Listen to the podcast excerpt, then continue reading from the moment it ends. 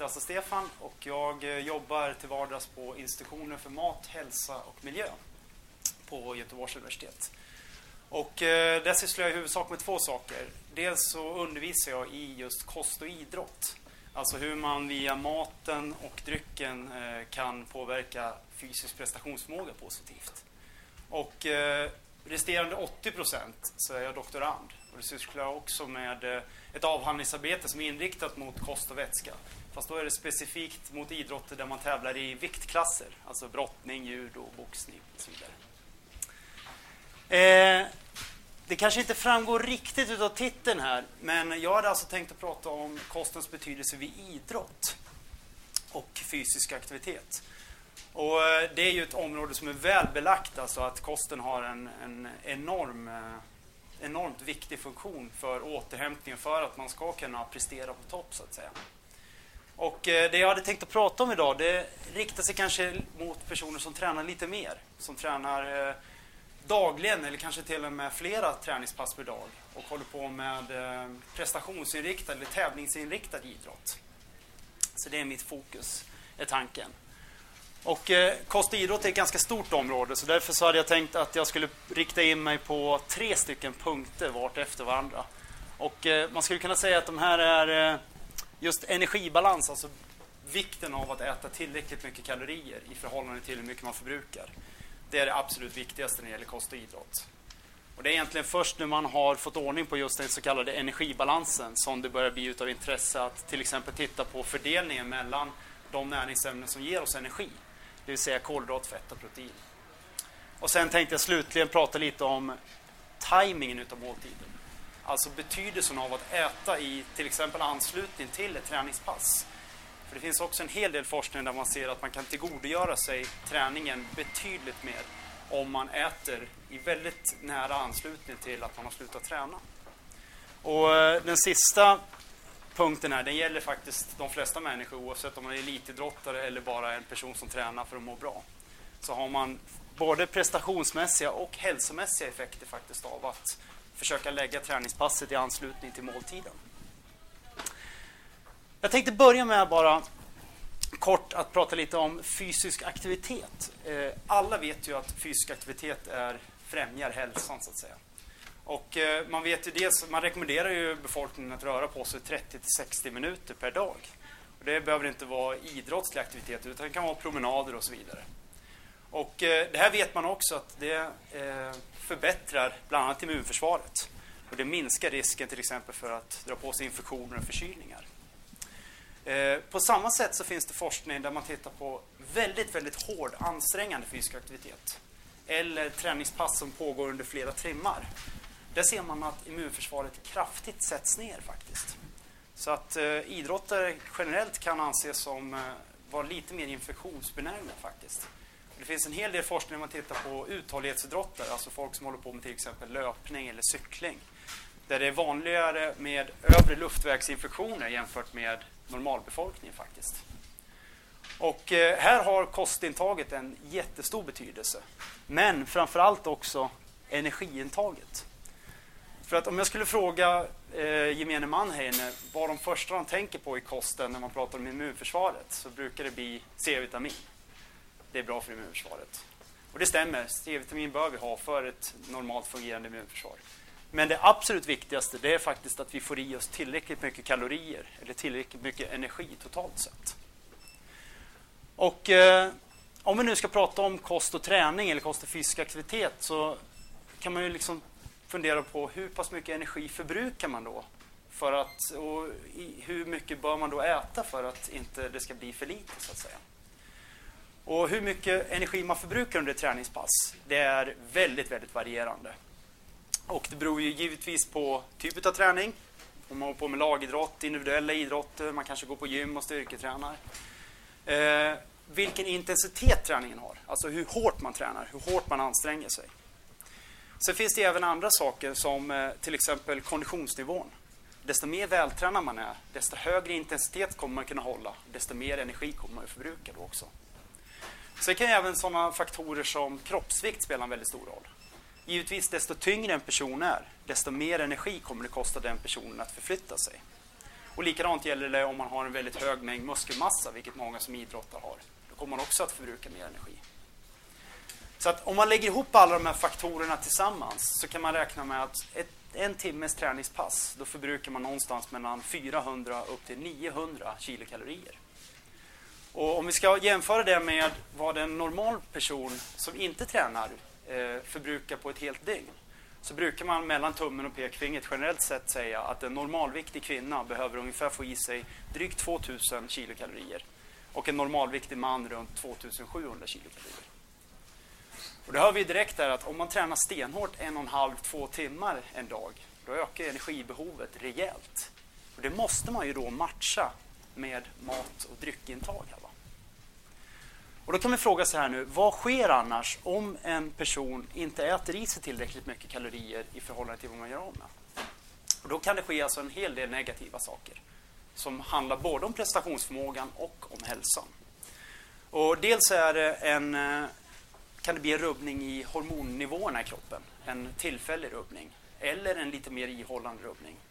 Och det här är framförallt negativt för kvinnor.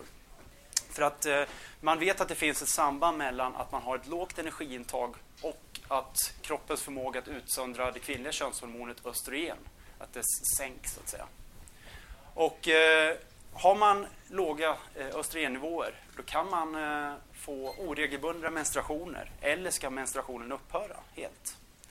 Och de flesta vet säkert också att just östrogen det har ju skyddande effekt på bentätheten och på skelettet. Så därför har man sett bland idrottande kvinnor att det är vanligare med till exempel stressfrakturer. Och det är en ökad risk alltså för benskörhet hos kvinnor. Så att det är väldigt, väldigt viktigt just att se till att vara i energibalans. Och det är även viktigt för manliga idrottare. Eh, till exempel det manliga könshormonet testosteron, som även kvinnor utsöndrar. Det är otroligt viktigt för att kunna återhämta kroppen. Det är ett anabolt uppbyggande hormon efter träningspass. Och frisättningen av till exempel testosteron blir också mindre om man ligger i negativ energibalans. Eh, har man, äter man för lite mat, eh, får i sig för lite kalorier, då kommer det även påverka kroppens förmåga att lagra in energi i musklerna. Och det är nämligen så att under när man tränar och bedriver lite hårdare fysisk aktivitet så är den främsta energikällan för att förflytta kroppen framåt, det är kolhydrater faktiskt. Och eh, äter man för lite energi totalt sett så spelar det inte så stor roll om man äter mycket kolhydrater. För man kommer inte kunna lagra in de kolhydraterna i muskelcellen på samma sätt. Och då ska man ha klart för sig att vi människor redan från början har ganska lite kolhydrater lagrat i musklerna. Och då brukar man räkna att normalt så har man mellan 350 till 500 gram kolhydrater lagrat i muskelcellerna. Och man har en liten mängd lagrat i levern också.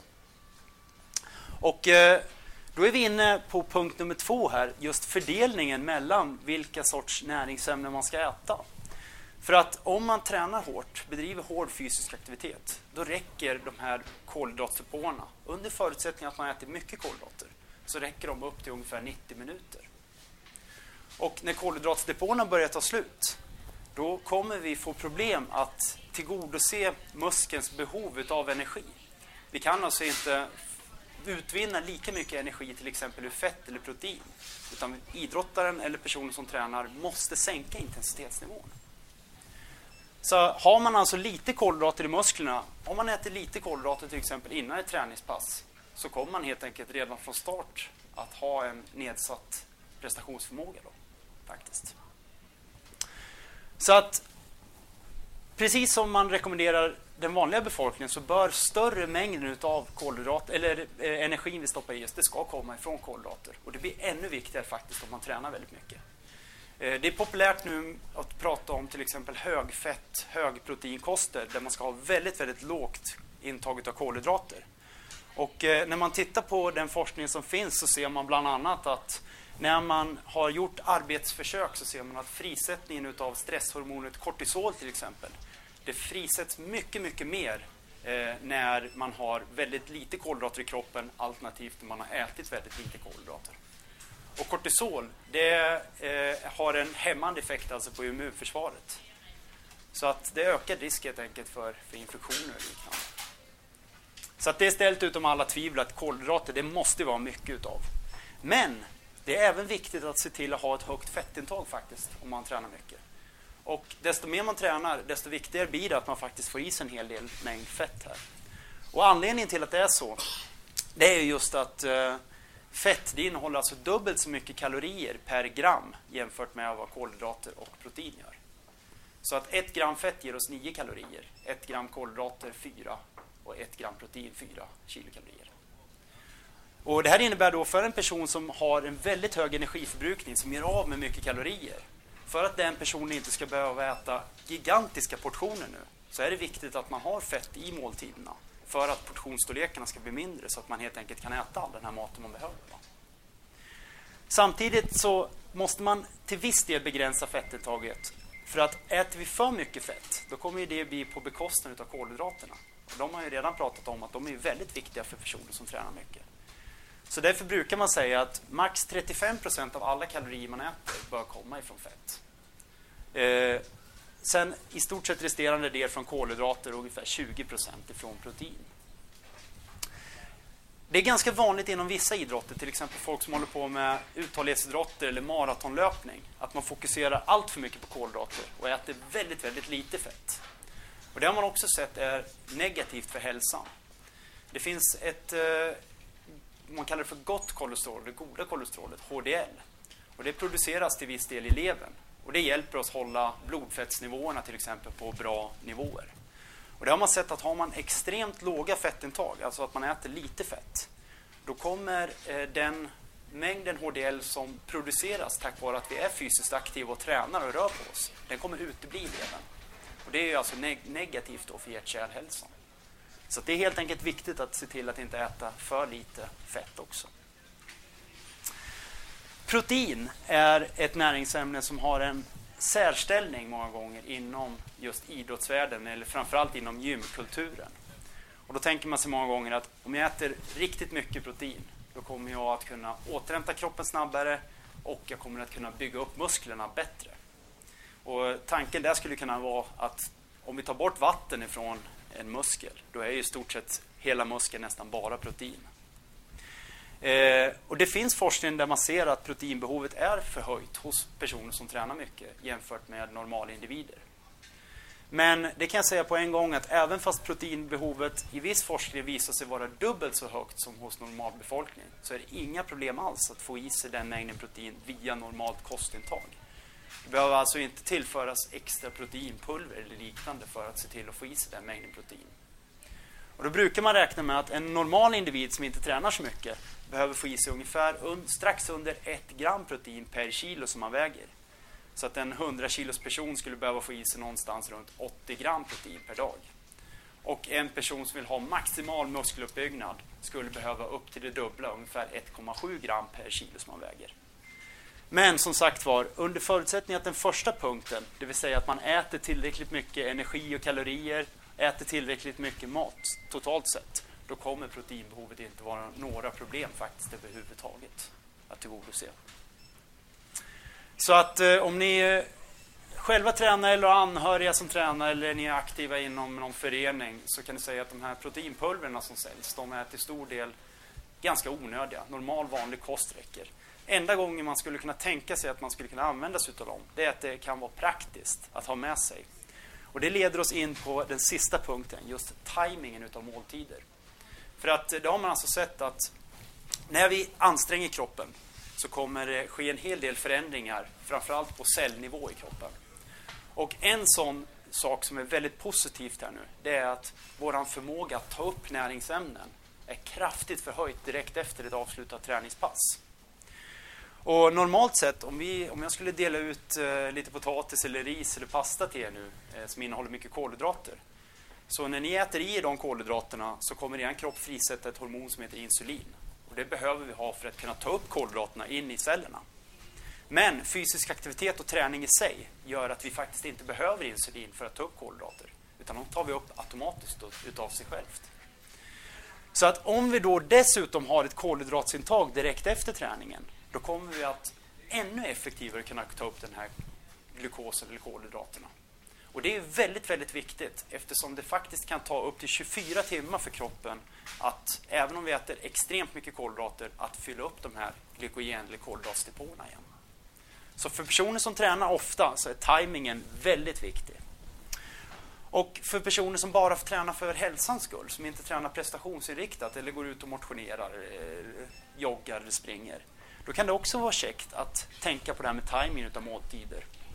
För att eh, eftersom direkt efter ett träningspass så var ju förmågan att ta upp kolhydrater utan insulin förstärkt. Så därför så kan man tänka till och lägga en huvudmåltid eh, direkt efter ett träningspass. Till exempel äta middag direkt efter man har rört på sig. Och anledningen till det, är helt enkelt att blodsockernivåerna kommer vara lite lägre och vi kommer inte behöva frisätta insulin. Vilket är positivt också för hjärt-kärlhälsan. Eller skulle kunna vara.